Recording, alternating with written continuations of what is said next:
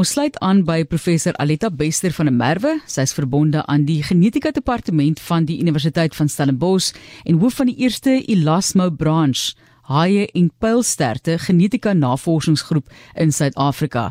En professor, ek het so 'n bietjie gaan kyk en ek sien dat daardie Elasmo branch is 'n subklas van kraakbeenvisse en mens kyk nou hierso na 'n wye verskeidenheid 230 spesies haie en pylsterte. Ek het nie geweet daar is so baie nie. So min wat ons ook as die publiek weet eintlik van ons seelewe, maar ons kyk na die Suidwes-Indiese Oseaan insluitend Suid-Afrika. Dit is 'n wêreldwye, hulle noem dit 'n hotspot vir hierdie diversiteit van 230 spesies. Ons het gehoor van die sardyne daar in KZN wat loop, maar kom ons kom gou 'n bietjie na die wonderlike wêreld van ons oseaan en die habitat van hierdie spesifieke spesies. Welkom professor. Baie dankie, dit is lekker om julle te gesels. Ja, ek dink baie mense, dink altyd maar nou net aan die groot wit die doodhaai en dit is waar dit stop of dan ook ehm um, dink hulle miskien nou aan die bullhaai of die bull sharks Maar ons het eintlik 'n geweldige ryk um biodiversiteit van van haie en dan nou ook meer onlangs het mense ook meer begin belangstel nou in die pylsterte. So dit is nou uh, soos jy nou nou regtig gesê het 'n subklas nou van die kraakbeenvisse. Maar wat interessant is met die met die pylsterte, daar is eintlik 'n groter diversiteit as wat daar in haie is. So ons kyk nou byvoorbeeld na die na die engelvis en die gitaarvis en die saagvisse en daar's net so 'n rykdom van al die verskillende spesies en ek dink baie mense van kinderjare onthou seker nou maar net die sandhaie of die hondhaie maar daar's net soveel meer wat wat mense nie van weet nie. So, kom ons gesels net gou oor die term. Dis die eerste keer wat ek daarvan hoor en jog het hom baie onderhoude gedoen oor ons spesies in die oseaan, maar Elasmo branch. Waarvoor staan dit? Hoekom daai naam? Nee, die die Elasmo branch kom maar eintlik van dit is ook maar eintlik 'n Griekse woord, so Goed. dit kom ook maar eintlik van kraakbeen af. En dit is nou maar dit skei dit nou maar ook eintlik net van jou dieper haai spesies wat hulle ook nou die chimeras noem. So die die eintlike Griekse woord verwys ek maar eintlik na kraakbeen. So dit is dit is maar net die twee tipes wat nou uh, saam geklassifiseer word. Alles nou as die kontristeens vir die kraakbeenvisse is. Jy het nou net daarna verwys. Hoekom dink julle het hierdie twee spesies haai en pylsterte nou in die laaste 2 dekades soveel meer gewild geraak as 'n produk? Die die eerste dat ons het eintlik al oor 'n paar jaar het ons nou wel wat daar nou visserye spesifiek vir haie en daar's ook produkte wat natuurlik nou die grootste mark is nou vir die haaivinne maar meer onlangs is dit nou ehm um, alom bekend dat hulle byvoorbeeld die die paalsterte spesifiek dan nou teiken vir vir die kiewe. En daai tipe van produkte of dit nou die kiewe is en of dit nou die vinne is is nou raak eintlik net al hoe meer gesog op die oorseese mark en dit word natuurlik ook in die oosterse marke word dit nou verkoop en dit is um medisinaal en die selle en al daai tipe van produkte word ook gebruik. Um die haai tande is baie gewild. So daar's net soveel meer. In die ou dae was dit miskien nou net die olie geweest wat hulle gebruik het soos die haai die haai lewerolie. Maar vandag is daar net 'n uh, 'n uh, 'n groot klomp verskillende produkte wat hulle van die haie en dan die paalsterte gebruik. Ons gesels oor 'n baie baie interessante wêreld en is 'n wêreld wat professor Aletta Bester van der Merwe baie goed ken en ons kyk na hierdie subspesies of 230 spesies diversiteit van die Elasmo branch soos wat sy daarna verwys het. Kom ons praat oor bedreig teenoor krities bedreig. Waar staan hierdie spesies tans?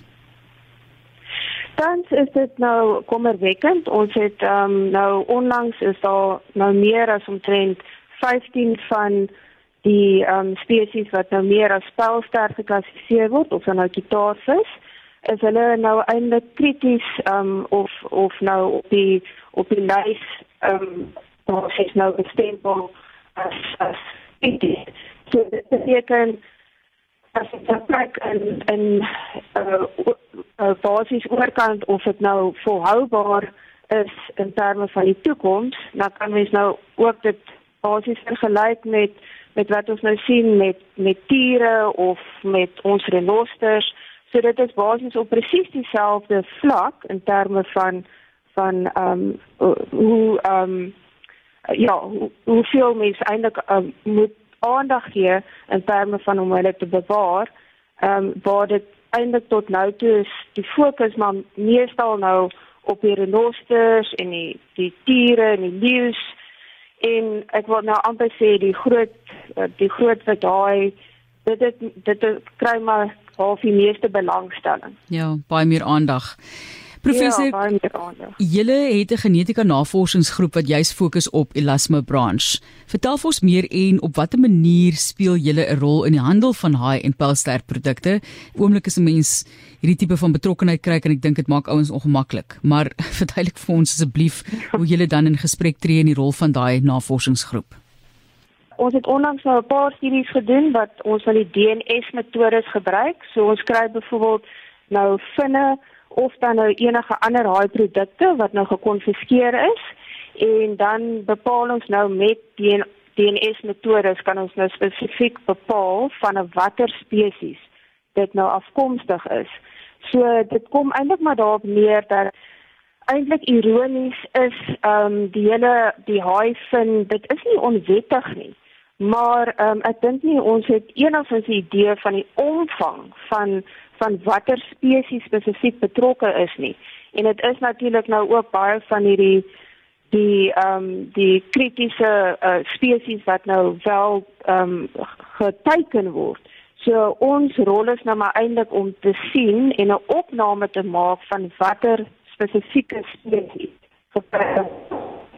Professor, wat dink julle lê voor? Gaan hierdie navorsingsgroep 'n daadwerklike impak kan hê sodat die soos julle sê 30% van Elasmo branch spesies in die omgewing as bedreig laterand hopelik in 'n oranje of groen area van Sassie kan skuif.